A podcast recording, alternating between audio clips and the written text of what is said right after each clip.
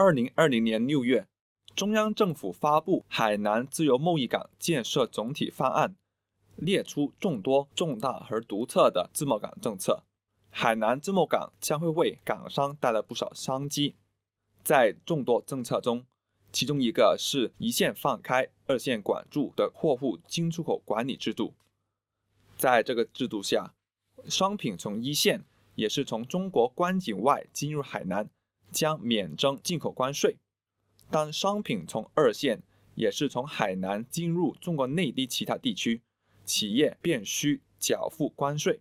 但如果商品的原料来自海南，或者加工增值额超过百分之三十，而且有鼓励类企业制造进入内地，可获免关税待遇。这管理制度将于二零二五年前落实，预计会令海南的货物流通更为顺畅，助力加工制造业、旅游业和物流业等产业发展。另一个是海南的税收政策，企业在海南做实质性经营，而且又是鼓励类产业企业，将可按百分之十五的税率征收企业所得税。个人一年在海南工作。并连续缴纳基本养老保险等社会保险六个月以上，而且又是海南省政府定义的高端和紧缺人才，个人所得税实质税负超过百分之十五的部分予以免征。这些政策对企业和个人到海南发展有鼓励性作用。除了以上涵盖众多行业的政策之外，个别行业的政策也值得企业注意，譬如。现在海南已实行进口生产原辅料，营运用交通工具和游艇，以及自用生产设备免征进口关税、进口环节增值税和消费税政策。这政策有利于海南加工制造产业发展。不过也是注意，海南生态环保的政策比较严格，低污染和高技术的产业比较适合海南。又例如。在金融行业，海南对合格境外有限合伙人 （QFLP） 企业的登记注册没有最低准入门槛要求，这政策有望支持海南私募基金行业发展。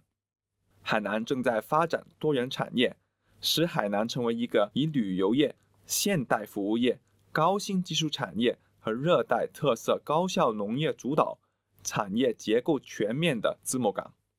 现在，海南各城市的发展也如火如荼。海口作为省会，正在大力推动江东新区的建设，务求将新区建设成海口金融业、航空、离岸贸易等产业的中心。三亚正促进市内产业多元发展。三亚正在通过三亚中央商务区、三亚互联网信息产业园等园区。在旅游业的基础上发展金融和互联网等产业。琼海市正善用博鳌乐城国际医疗旅游先行区的特殊政策，积极发展医疗旅游产业。而杨浦作为一线放开、二线管住管理制度的试点，正在集中发展加工制造产业、石化产业和物流业。在不少人眼中，海南是一个旅游胜地。的确。